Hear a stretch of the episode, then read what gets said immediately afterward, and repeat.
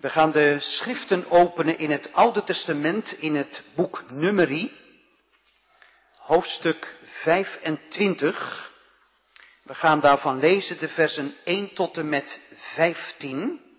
Deze geschiedenis die sluit aan op de geschiedenis van Biliam. Biliam die in opdracht van Balak Israël moest vloeken, maar elke keer een zegen uitsprak en dan komt hij met een advies om de Israëlitische mannen feest te laten vieren met de heidense vrouwen. En dan volgt deze geschiedenis. Nummerie 25 waarvan we lezen vers 1 tot en met 15 waar het woord van de Heere onze God aldus luidt. En Israël verbleef te Sittim en het volk begon te hoereren met de dochteren van de Moabieten. En zij nodigden het volk tot de slachtoffers van hun goden. En het volk at en boog zich voor haar goden. Als nu Israël zich koppelde aan Baal Peor, ontstak de toorn des Heren tegen Israël. En de Heere zeide tot Mozes, neem al de hoofden des volks en hang ze de Heere tegen de zon. Zo zal de hittigheid van des Heeren toren gekeerd worden van Israël. Toen zeide Mozes tot de rechters van Israël, een ieder dode zijn mannen die zich aan Baal Peor gekoppeld hebben. En zie, een man uit de kinderen Israëls kwam en bracht een Medianitin tot zijn broederen voor de ogen van Mozes en voor de ogen van de ganse vergadering der kinderen Israëls, toen zij weenden voor de deur van de tent der samenkomst. Toen Pinehas, de zoon van Eleazar, de zoon van Aaron de priester, dat zag, zo stond hij op uit het midden der vergadering en nam een spies in zijn hand. En hij ging de Israëlitische man na in de hoerenwinkel en doorstak hen beiden, de Israëlitische man en de vrouw, door hun buik. Toen werd de plaag van over de kinderen Israëls opgehouden. Degenen nu die aan die plaag stierven waren 24.000. Toen sprak de Heere tot Mozes zeggende, Pinheas, de zoon van Eleazar, de zoon van Aaron de priester, heeft mijn grimmigheid van over de kinderen Israëls afgewend, terwijl hij mijn ijver geijverd heeft in het midden derzelve, zodat ik de kinderen Israëls in mijn ijver niet vernield heb.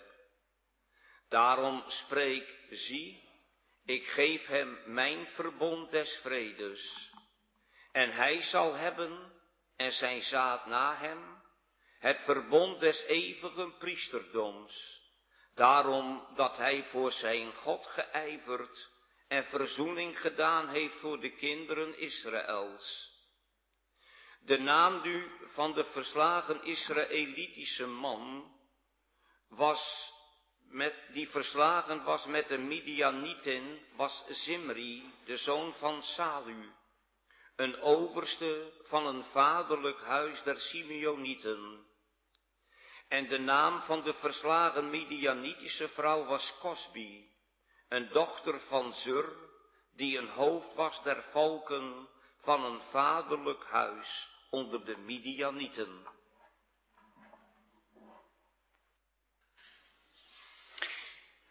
Tot zover de lezing van de Heilige Schrift. We gaan deze geschiedenis samen bekijken, beluisteren.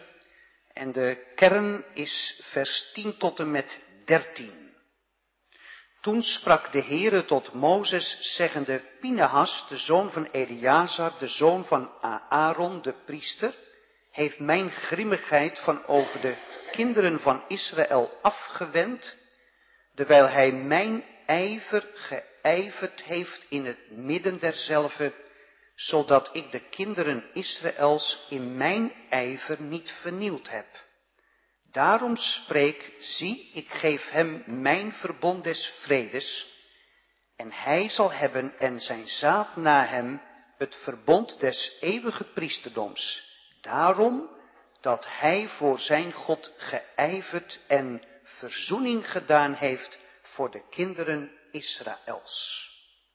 Thema van de preek, Pinehas, een type van Christus. Onbekend, onverschrokken en oneindig. Pinehas, een type van Christus. Onbekend, onverschrokken en oneindig. En nu we deze geschiedenis gelezen hebben, kunnen we ook de versen zingen uit Psalm 106, die we anders nauwelijks zingen. Namelijk Psalm 106, vers 16 en 17. Dat is de berijmde versie van wat we net gelezen hebben. Zij hebben zich voor het vloekaltaar verleid door Moabs dochteren schaar tot Baal Peos dienst begeven. Zij aten ze afgods offerand, dus de offers van de afgoden. Doch het kostte aan duizenden het leven. En misschien dat de kinderen nog onthouden hebben wat we net gelezen hebben. 24.000. Gods wraak ontstak in felle brand. Toen weerde Pinahas de straf, die moedig het recht voldoening gaf en het eerloos bloed langs de aarde deed stromen, die daad ten zoen, dus tot verzoening voor het volk volbracht, deed hem een eeuwig eer bekomen, die stand hield bij zijn nageslacht.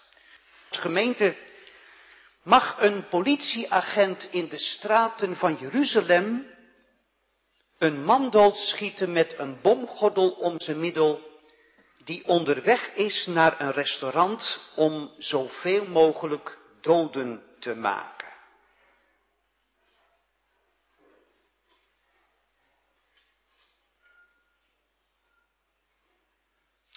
Of mocht in de Tweede Wereldoorlog een verzetsman iemand doden die onderweg was om bij de Duitsers te gaan vertellen dat er een aantal Joden in een boerderij verborgen zaten.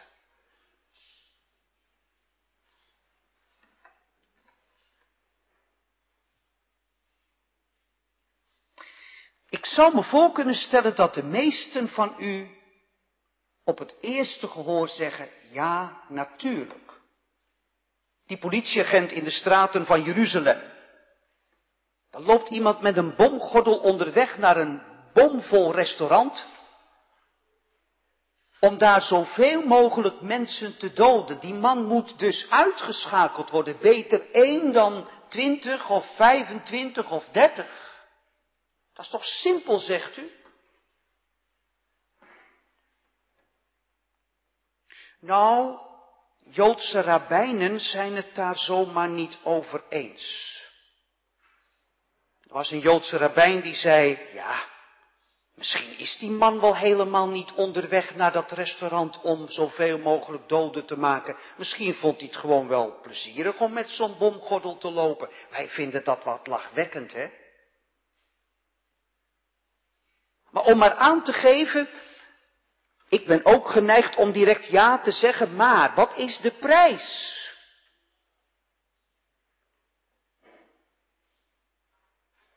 Hoe kom ik daar nou op gemeente? Ik kom daarop vanwege de geschiedenis die vanmiddag uw en mijn aandacht vraagt. Mocht Pinehas met een speer twee mensen doden, opdat een plaag die zich voltrekt, een oordeel van de Heere over Israël, zal worden opgehouden. Ik denk, jongens en meisjes, als ik aan jullie gevraagd had aan het begin van de dienst, weten jullie wie Pinahas is, dat jullie tegen mij gezegd zouden hebben, uh, dat is toch van Hofni en Pinahas, dat zijn toch die goddeloze zonen van Eli? Mooi dat je die geschiedenis kent, maar dat is niet deze Pinahas. De Pinahas die jij bedoelt, die woonde in Israël. Toen was het volk Israël al in Canaan aangekomen. En je hebt gelijk, de vader van Hofni en Pinahas was die in onze ogen slappe Eli, die op enig moment zijn nek breekt als die van de stoel valt. omdat de ark is meegenomen. Maar hier gemeente, hier zitten we nog midden in de woestijnreis. De Heere heeft met een machtige hand en een sterke arm zijn volk Israël uitgeleid uit Egypte om het te brengen in het beloofde land. En dan gebeurt er in die reis verschrikkelijk veel. Er is geen brood, er is geen vlees. En Israël komt in opstand. Er is geen water. En de Heere zorgt dat er water komt. Ze maken een, een afgodsbeeld in de woestijn. En dan moet er een koperen slang worden opgericht, opdat wie daarop ziet behouden zal worden. En vergis u niet, gemeente, we gaan er een beetje van uit dat het volk Israël voor de grenzen van Canaan bestond uit zo'n 600.000 mensen. Mannen, vrouwen en kinderen. En om het maar even praktisch te maken, dan hebt u even een beeld voor u. Stelt u zich voor dat vanavond er 600.000 mensen zich melden bij de poort van Ter Apel. Geen wonder dat de volken ten zuiden van Israël, Moab en Edom en Midian met angst en beven keken naar dat naderende volk. Die wilden ook nog door hun land heen trekken. Wat zouden ze aanrichten? En er woonden in Israël Kanaanieten en Ferezieten. Hoe moest dat dan allemaal samen in dat land? Dat is de reden waarom een zekere koning Balak crisisberaad houdt. Er moet wat gebeuren. En daarvoor wordt ingevlogen een zekere Biliam. En de kinderen kennen Biliam waarschijnlijk van de sprekende ezel. Biliam had een bijzondere gave. Dat vond hij althans zelf. Hij kon een zegen uitspreken en hij kon een vloek uitspreken. Zo bood hij zich aan aan Balak om het volk van Israël te vervloeken. Er wordt een deal gesloten, er zal een hoop geld mee gepaard zijn gegaan. En die zit op een heuvel, hij kijkt uit over Israël en hij spreekt vervloekingen uit over het volk Israël. Nou gemeente, de eerste troost vanmiddag is dat de mens wikt en God beschikt. Biliam kan spreken wat hij wil, maar kom niet aan Gods uitverkoren volk, Gods oogappel Israël. Dat God voor toen, dat geldt voor vandaag. En u mag het brede trekken naar de gemeente van Christus uit alle volken, talen en natieën. Hij laat niet varen het werk dat zijn hand begon. De vloek verkeert in een tegendeel. Israël wordt gezegend en Balak wordt verschrikkelijk boos. U kunt het allemaal nalezen in hoofdstuk 22 tot en met 24. En ten einde raad heeft Biliam nog één tip. Want Biliam kent de zwakke plekken van het volk Israël. Kent u uw zwakke plek? U die de Heere al jaren mag kennen, uit genade door het geloof, kent u uw zwakke plek? Weet u dat de duivel uw zwakke plek kent. En begrijpt u daarom dat Paulus in Efeze 6 schrijft, doet aan de geestelijke wapenrusting Gods, waarmee ge de vurige pijlen van de Satan van u kunt afhouden. En wat wonderlijk gemeente, elke keer verwonderen wij er ons over als een kind van de Heere valt. Als op pagina 2 van een landelijke krant een naam staat van een dominee of een ouderling die uit zijn ambt gezet wordt, dan zeggen we, hoe kan het hè? Nou gemeente, ik preekte vanochtend over Lot uit Genesis 13. Ik zei op enig moment tegen de gemeente, weet u, Lot, dat ben ik.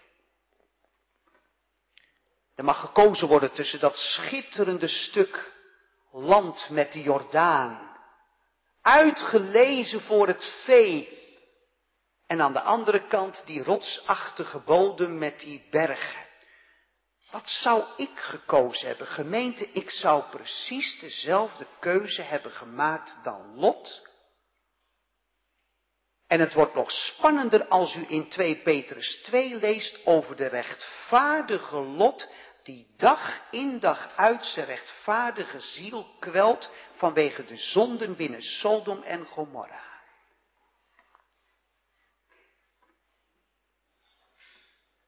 Wat was de zwakke plek van het volk van Israël? Nou, geef die mannen van Israël nou eens de gelegenheid voor een feestje. Zorg dat er een aantal knappe vrouwen zijn. Zorg dat er voldoende drank op tafel staat. Moet jij eens kijken wat er gebeurt. Dat was de tip van Biliam.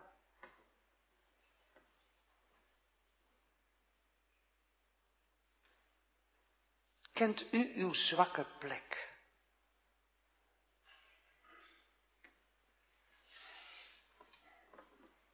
U niet gemeente, ik wel. En ik bedoel dat niet hoogmoedig. Maar als je uit genade de Heer Jezus hebt leren volgen in beginsel, dan komt u uzelf van tijd tot tijd tegen. Dan zet de Heer u van tijd tot tijd voor de spiegel van zijn woord. Dan heb je geen, geen redenen meer om te wijzen naar een andere gemeente, want dan ben je het zelf. We zingen het met het gebed des Heren. Wij zijn toch zwak. Als wij somtijds uit zwakheid in zonde vallen. En daar begint onze schriftlezing. En hebt u het gemerkt, gemeente, we hadden het er voor de dienst even over. We zijn allebei schoolmeester geweest. Zo'n geschiedenis vertelde je niet zo makkelijk voor de klas. Want het is best wel concreet. Jongelui, het fijn dat jullie er zijn vanmiddag. Ik zal in de preek ook wat concrete dingen benoemen straks. Niet om jou zwart te maken, maar om te schetsen in welke tijd jij leeft en waar je aan onderhevig bent. Het staat er zo eerlijk. Israël verbleef te Sittim en het volk begon te hoereren met de dochters van de Moabieten. En ze nodigden het volk tot de slachtoffers van hun goden. En het volk at en boog zich voor haar goden. Weet u gemeente, de duivel heeft en mijn lichaam op het oog en mijn ziel. Jongelui, ook mijn lichaam, want als de duivel mijn lichaam heeft, dan heeft hij ook mijn ziel. Heb je dat scherp? Jij staat midden in deze wereld. En het klinkt wat albollig van deze oude dominee, maar ik kan je zeggen dat er in 60, 70 jaar gigantisch veel veranderd is in onze wereld. Wat leef jij in een maximaal moeilijke tijd? Wat komt er ontzettend veel op je af? Wat zijn er veel keuzemogelijkheden? Wat een invloed van de media. Die mobiele telefoon van jou en van mij, wat een invloed. En we proberen nu weer een beetje achter de muren terug te keren. De school waar ik les mag geven, daar hebben ze dan nu voor komend jaar de oplossing, de mobiel thuis of in de kluis. Nou, je wil niet weten wat een kabaal dat geeft. En ik snap dat, denk ik. En alles komt bij je binnen. En zelfs als je een filter op internet hebt staan, gemeente, er zijn zoveel mogelijkheden om dat filter te omzeilen. En altijd gaat het weer om zoiets als seksualiteit. Buiten het huwelijk, in het huwelijk. Want ik ga ervan uit, gemeente, dat die meeste Israëlitische mannen, dat die getrouwd waren.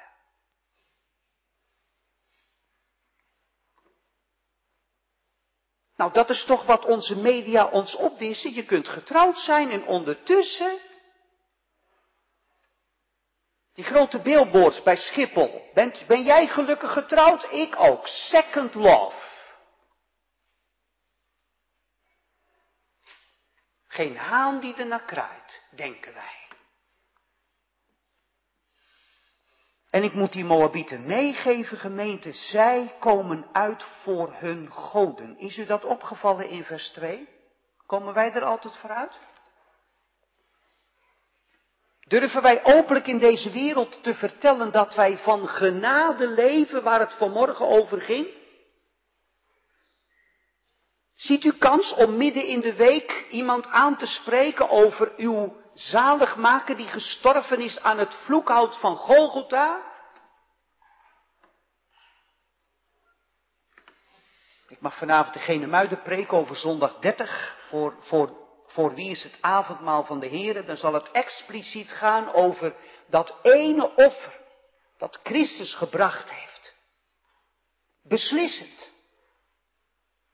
Of je bent in Christus of je bent het niet. Er is geen tussenweg. Kunnen wij erover spreken? Bent u bij het kruis geweest? Kom zo op hem terug vanuit Pinahas gemeente. Vindt u het vreemd dat de toren van de Heere ontstak? Jongens en meisjes, dat is een lastig woord. De toren van de Heere. Ik zal het maar heel simpel zeggen. De Heere werd verschrikkelijk boos. En waarom werd de Heere nou zo verschrikkelijk boos op het volk Israël? Omdat de Heere dat volk zo ontzettend lief had. Als je iemand niet lief hebt, kun je ook wel boos zijn tegen iemand, maar het maakt je niet zoveel uit of die er nou van onder de indruk is of niet. Maar liefde gemeente is zo teer. Is dat een ontdekking in uw leven? Heeft de Heilige Geest u dat laten zien? Juist na ontvangen genade, dat we niet goedkoop zondigen. Dat we de eer van de Heere zo ontzettend door het slijk halen. Want niet alleen kerkmensen praten over pagina 2 van een landelijke krant, maar ook niet-kerkmensen. En altijd wordt de naam van de Heere door het slijk gehaald. Daarom is mij vroeger geleerd om als christen voorzichtig te wandelen. Ik kom van de Alberse Waard, talloze slootjes. En wat hebben we veel slootje gesprongen, maar er waren ook van die smalle planken. Daar moest je dan overheen lopen. Nou, dan moest je heel voorzichtig, want je kon links of rechts in de sloot vallen. Voorzichtig wandelen. Ik zet mijn treden in uw spoor, opdat mijn voet niet uit zou glijden. Wil mij voor struikelen bevrijden en ga mij met uw heilicht voor.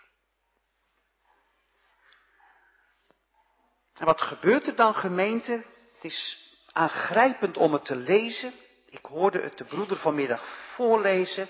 Het eerste wat gebeurt is dat er een aantal galgen worden gemaakt. En er worden de hoofden van het volk in de brandend hete zon opgehangen. Dat zijn waarschijnlijk de, wij zouden zeggen, de notabelen. Degenen die de verantwoordelijkheid hadden over een klein stukje van het volk van Israël. Ze hadden blijkbaar niet tegen het volk gezegd, doe zo'n groot kwaad niet tegen de Heer. Ze hebben het laten gebeuren.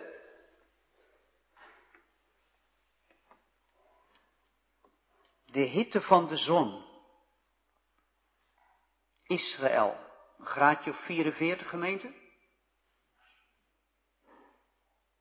En daar hangen ze. En ondertussen voltrekt er zich een plaag en we weten niet wat. Wat we wel weten is het verschrikkelijke resultaat straks. 24.000 doden. Ik had even zitten rekenen. Ik ben predikant geweest in Nunspeet. Nou, als je de burgerlijke gemeente Nunspeet, Elspeet, vier houten hulsors bij elkaar neemt, kom je op zo'n krap 25.000 inwoners. Is ongeveer dat aantal. Moet u zich voorstellen dat door een plaag heel de bevolking wordt uitgeroeid.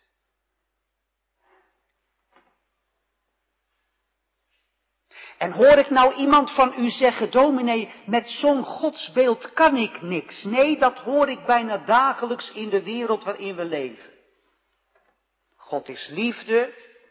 God kijkt niet zo krap. God doet uh, zo, hij kijkt door, door de vingers. De Heer is zo meegaand. Als ik links wil, gaat hij ook links. Als ik rechts wil, gaat hij ook rechts. Misschien heb ik het vijf weken terug bij een geschiedenis van Nehemia ook wel aan u gevraagd. Is de Heer u ook wel eens tegengekomen?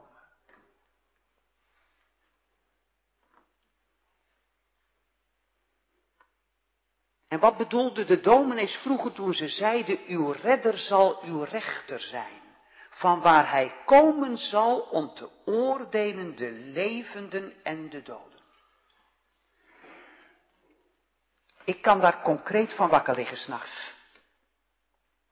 Als ik me probeer te bedenken dat ik misschien mensen nog niet bereikt heb met het evangelie, waardoor ze straks voor eeuwig zullen omkomen. Puzzelt u dat? Mensen hier in Driesem en omgeving hebben de mensen allemaal in vakjes gezet. Sommigen zijn kerkelijk, anderen zijn niet kerkelijk. Sommigen zijn niet vijandig, anderen zijn vijandig. Noem het allemaal maar op, gemeente. Maar bent u er ook bewogen over? Als u van de Heer hoort zeggen dat Hij geen lust heeft in de dood van een zondaar, maar daarin dat hij of zij zich bekeert en leeft. Als u in de schriften leest dat er in de hemel blijdschap zal zijn over één zondaar die zich bekeert. Is het uw verlangen, is het uw gebed dat hier in de Friese wouden mensen tot een levend geloof komen in Christus, opdat ze niet voor eeuwig verloren gaan?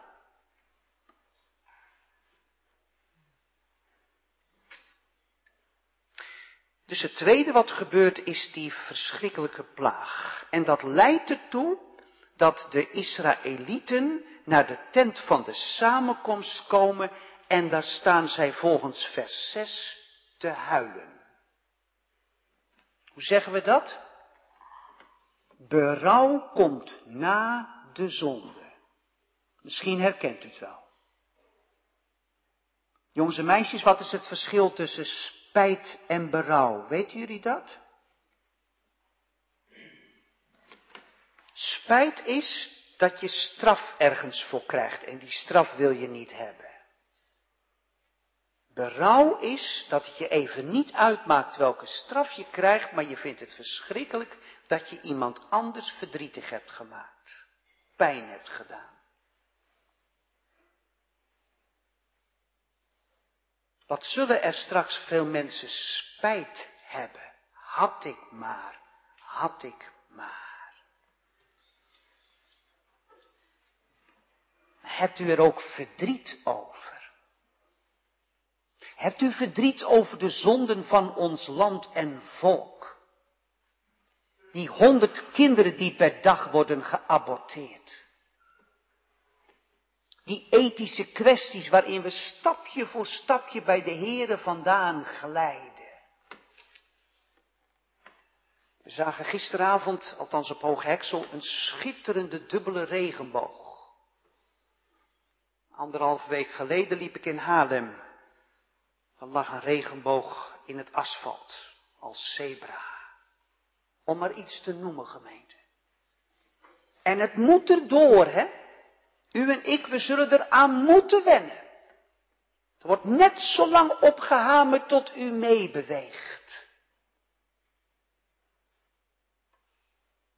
De toren van de Heere.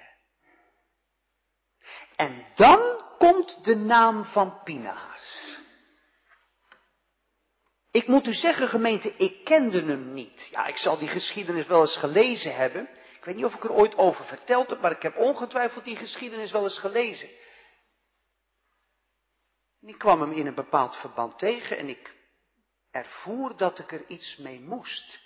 Wie is Pinahas? Het is een kleinzoon van Aaron. Het is een priester, hij komt dus uit een priesterlijk geslacht. Wij zouden zeggen, hij was ambtsdrager. Nou, dat is al heel bijzonder gemeente als je dat mag zijn. Als je dominee mag zijn, als je je geroepen weet tot dienaar van het woord. Als je op enig moment door, door de gemeente wordt verkozen tot ouderling of diaken. Dat is een roeping. Dat is misschien ook wel een eer. Maar het is vooral ook een ontzettend grote verantwoordelijkheid. En voordat iemand kritiek levert op ambtsdragers, als u tot geloof gekomen bent in Christus, dan draagt u het ambt van alle gelovigen. Dus dan komt het alweer dichterbij. Zijn wij ambtsdrager? Zijn wij volgens, wat is dat, zondag 12, zijn wij profeet, priester en koning? Zal ik eerlijk zijn, gemeente, er zijn dagen dat ik er niet aan denk om dat in te vullen. Profeet, priester en koning. En wat gebeurt er nu, gemeente? Dat brengt me tot het tweede, onverschrokken. Pinehas ziet wat. Wat ziet hij?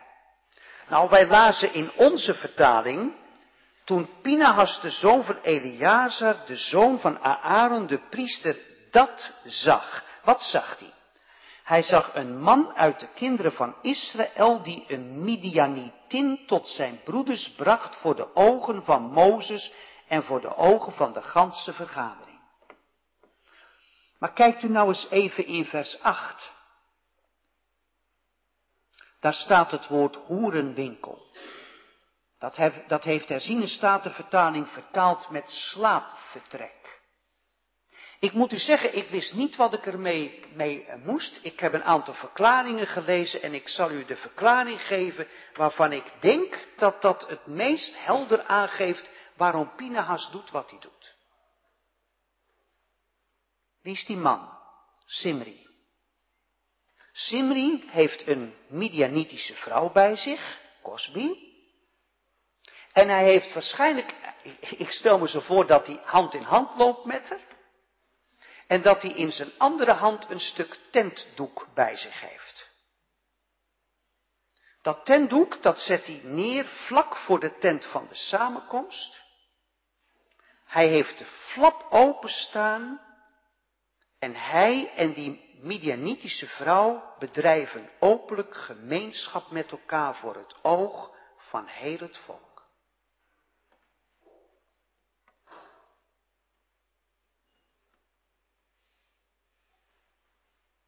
Toen dat zag. Wat doet die Zimri en die Cosby?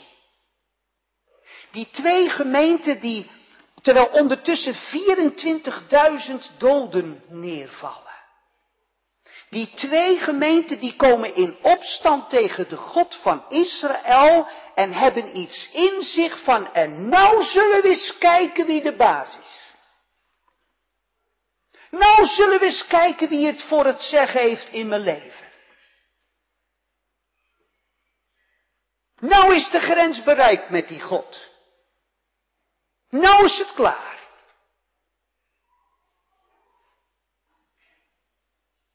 Toen Pinahas dat zag.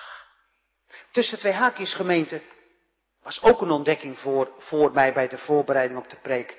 Waar was Mozes in dit verhaal? Zag Mozes dat niet? Waarom trad Mozes niet op hier? Weet u wat het simpele antwoord was? Mozes is zelf getrouwd met een Midianitische vrouw. En dan ga ik dat even heel simpel naar, naar de kinderen uitleggen. Stel je voor, jij gaat met mama of papa naar de supermarkt in Damwoude. Hier heb je geloof ik geen supermarkt meer, hè? dus je gaat naar Damwoude. En je ziet mij stelen. Ik heb een tas bij me, geprepareerde tas. En ik stop er heel veel dingen in. En die ga ik niet afrekenen, maar ik loop zomaar de winkel uit. Jij denkt, oh, de dominee steelt. En een week daarna zie je me weer hetzelfde doen. Ik haal van alles uit het schap, die stop ik in die tas en ik loop zonder te betalen de winkel uit. En de week daarna, dan kom ik de winkel in en ik zie jou en jij pakt in de winkel één snoepje en dat reken je niet af. En ik zeg tegen jou, oh dat mag niet, jij steelt.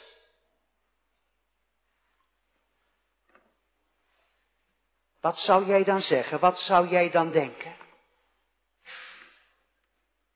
U doet het zelf ook. En u steelt nog veel meer dan dat ik steel.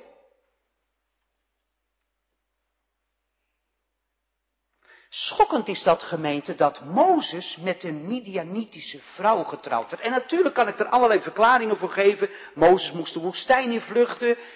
Mozes kon bij Jethro, weet u wel, enzovoort. Maar zullen wij voorzichtig zijn? Zullen wij voorzichtig zijn? Want de niet-gelovige wereld is heel gevoelig voor ons levenspatroon als wij een ander iets verwijten en het zelf doen. Daarmee wordt de eer van God te grabbel gegooid. Mozes stond hier met een mond vol tanden. Mozes stond hier met lege handen. Zou dat ook misschien de zorg van Simon Petrus zijn geweest toen hij zijn meester verloochend had? Weet u dat ik het een wonder vind dat juist Simon Petrus op Pinksteren de Pinksterpreek mag houden? Dat wordt voor mij een steeds groter wonder. Dit is wat geschreven staat bij de profeet Joël. Dat mag Petrus uitspreken. Wij zouden voor een ander gekozen hebben. Nou, en dan gebeurt het, hè? Pinehas pakt een speer, een spies. Hij gaat die tent in.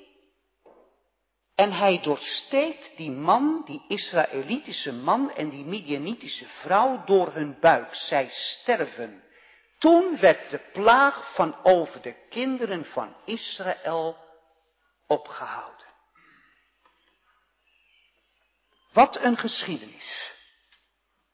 En hoe begon ik de preek, jongelui? Ik begon de preek met de vraag, mag een politieman in Jeruzalem, die een man met een bomgordel ziet lopen, onderweg naar een restaurant om veel doden te maken, mag die politieagent die verdachte doden?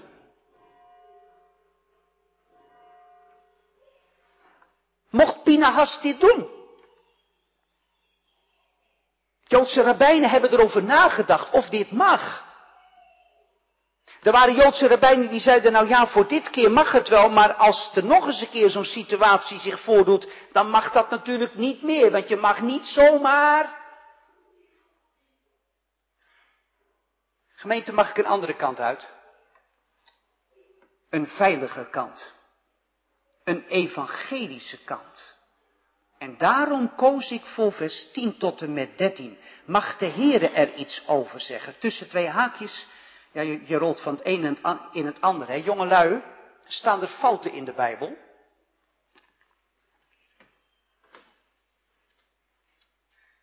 Broeders, u gaat op huisbezoek. En er zit een jongere van een jaar of 17 die toch al niet zo erg kerkelijk is. En jullie beginnen heel erg aan te raden om Bijbel te lezen en om naar de kerk te gaan. En dan zegt zo'n jongen van 17, ik zou niet weten waarom, want er staan fouten in de Bijbel.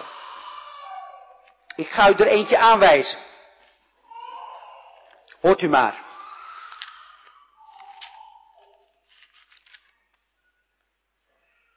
Misschien dat de kinderen het wel horen zo dadelijk. En laat ons niet horeren gelijk sommigen van hen gehoreerd hebben en er vielen op één dag 23.000. Hè, zegt u? Oh, wacht even. Wat lazen we vanmiddag? Nummer 25? 24.000. En hier lees ik 1 Korinthe 10 en er staat 23.000. Dat is een fout, zegt u.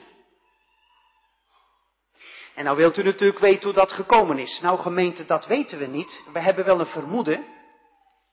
Dat heeft waarschijnlijk met overschrijven te maken. Jongens en meisjes, moeten jullie wel eens strafwerk schrijven op school? Na schooltijd? Ik moest vroeger verschrikkelijk veel strafwerk schrijven. Ik was nooit ondeugend, maar ik moest altijd strafwerk schrijven van, van de meester. Honderd keer die in die regel. Nou, als ik dan de 97ste keer die regel schreef, dan vergat ik wel eens een woord. Of ik uh, ging een halve regel ineens naar regel 98 om een beetje op te schieten. Of, of ik was een beetje moe, of enzovoorts. Gemeente, er staan best een paar menselijke fouten in de Bijbel. Maar dat is geen reden om niet meer te beleiden dat het, dat het woord van God het gezaghebbende, zeer betrouwbare woord van God is. God heeft mensen gebruikt, mensen geïnspireerd om zijn woord te schrijven. Nu, laten we eens naar het woord van de Heere gaan. Toen sprak de Heere tot Mozes. Ik zet een paar streepjes. De Heere heeft het over de ijver van Pinahas. Wat is dat jongens en meisjes, ijver? Staat dat nog in jullie rapport? Ik denk het niet. De rapporten die ik van mijn kleinkinderen zie, dat zijn tegenwoordig zulke grote mappen. Met verschrikkelijk veel bladzijden, moet je heel lang bladeren met allerlei grafieken en weet ik veel. En aan het eind weet ik als opa nog niet hoe goed of hoe slecht mijn kleinkind is. Vroeger was dat heel simpel. Eén bladzijde. Psalm versje 10, Bijbelse geschiedenis 9,5. Dan kwam rekenen, taal, lezen, aardeskunde, geschiedenis. En onderaan kwam er een rijtje. Netheid. Oh, dat ging wel bij mij. Vlijt. Oh, ik was heel vlijtig. Meester, meester, meester, ik ben al klaar. Vlijt is dat je heel hard werkt, dat je je helemaal inzet voor iets. Gedrag was iets minder, maar dat snapt u waarschijnlijk wel. Wat zegt de Heere nou van Pinahas? Pinahas heeft mijn ijver geijverd. Nou, dan kan ik u Christus verkondigen. Denkt u maar aan Psalm 40.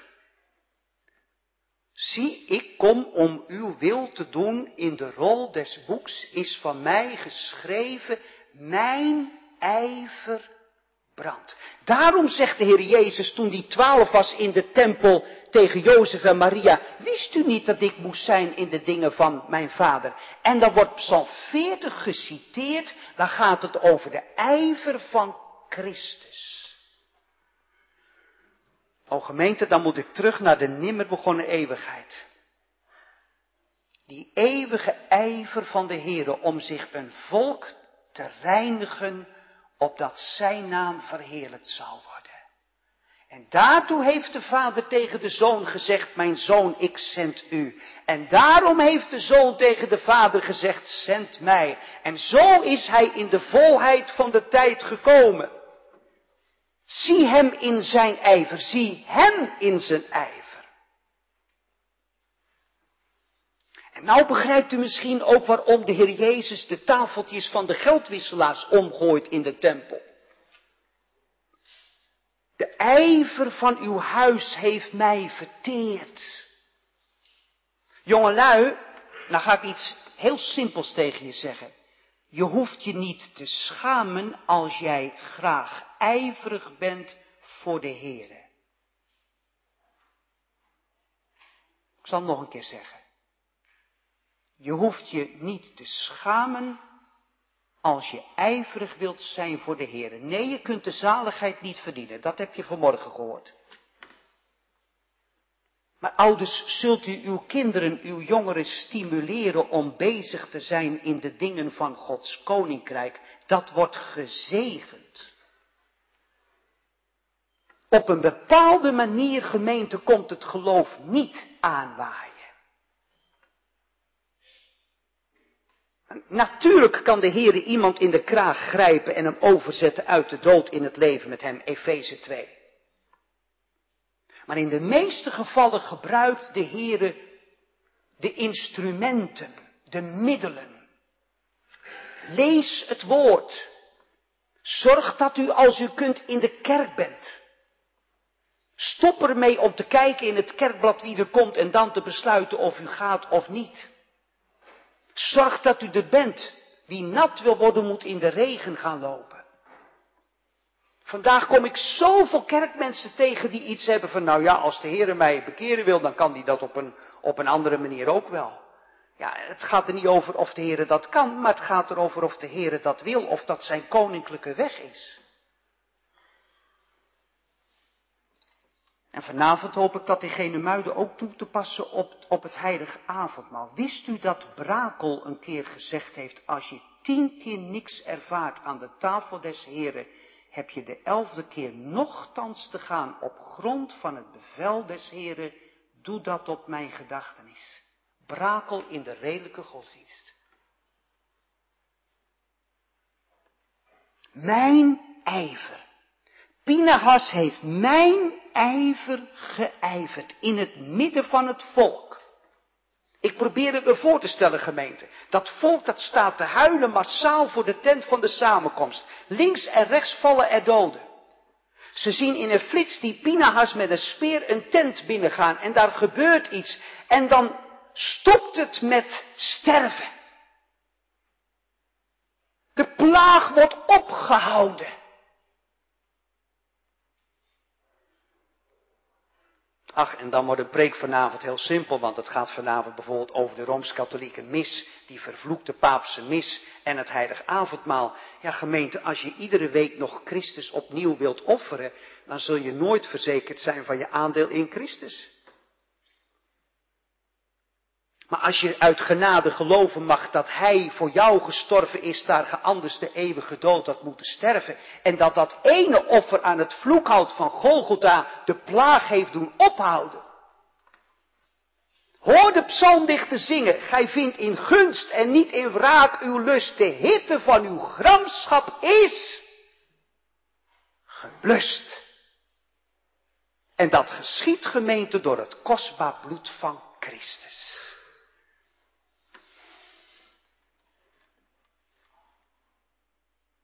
En ja, zegt de Heer, zodat ik de kinderen van Israël in mijn ijver niet vernield heb. Mijn ijver. God is ook ijverig.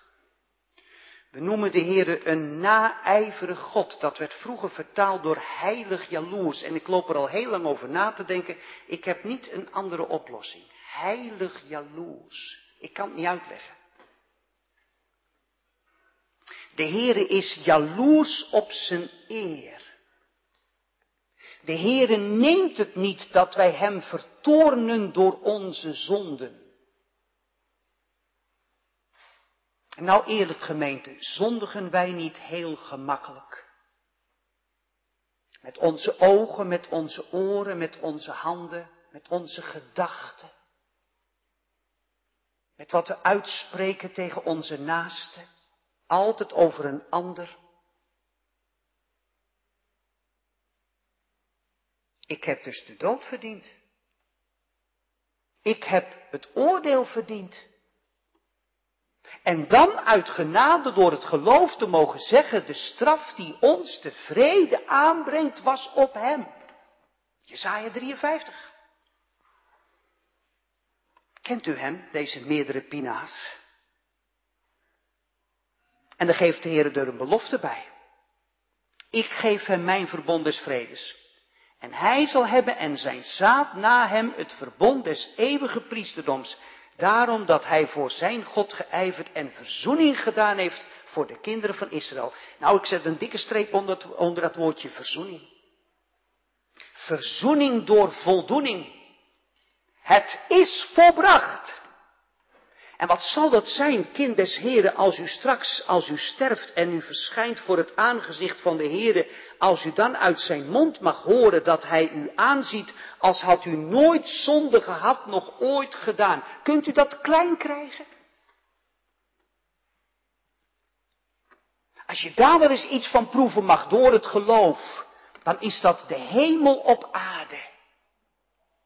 Waarom heeft hij het op mij gemunt?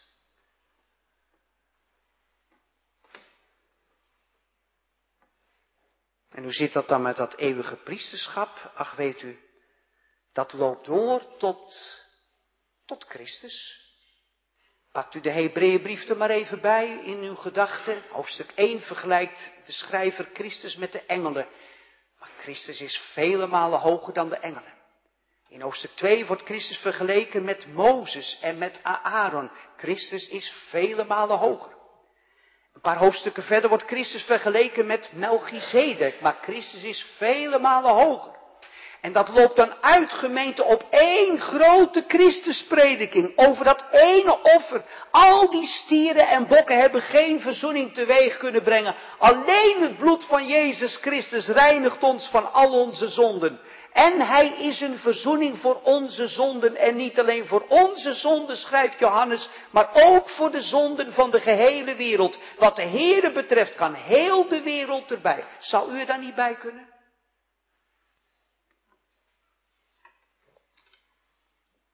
Ik ga afsluiten. Als u tijd hebt, moet u vandaag Jozua 22 er eens bij pakken. Daar komt namelijk Pinahas opnieuw tevoorschijn. Wat is er aan de hand? Tweeënhalve stam, Ruben, Gad en de helft van Manasse wil in het overjordaanse gaan wonen. Jozua vindt dat geen goede beslissing. Hij is zelfs al bezig een leger te formeren. Er breekt bijna een burgeroorlog uit. En dan grijpt Pinahas in. Hij bemiddelt. Pinahas zegt, weet je, als nou de mannen van die tweeënhalve stam eerst de Jordaan overgaan en met de andere mannen van Israël de vijanden overwinnen, dat ze daarna mogen terugkeren naar hun vrouw en kinderen in het overjordaanse. En zo wordt de burgeroorlog afgewend. Oftewel, Pinehas, een type van Christus. Ik zie in gedachten de Heer Jezus op dit moment, terwijl ik hier sta te preken, aan de rechterhand van de Vader. Op dit moment, weet u wat hij daar doet, gemeente? Hij bidt en hij pleit hij pleit vrij op grond van zijn volbrachte werk. En het is de Heilige Geest die het uit Christus neemt en het ons verkondigt. Opdat wij niet meer zullen zondigen. En als wij dan somtijds uit zwakheid in zonde vallen, en nou mag ik het zinnetje afmaken. Zo moeten we aan de genade van God niet vertwijfelen, nog in de zonde blijven liggen. Vindt u het vreemd, gemeente, dat ik soms bij een sterfbed iemand wel eens heb horen zeggen, dominee, straks niet meer te hoeven zondigen. Is dat uw verlangen? Dan ga je je verheugen, eindeloos verheugen. En dan ga je ook verstaan wat wij nu gaan zingen. Maar nee, daar is vergeving altijd bij u geweest. Amen.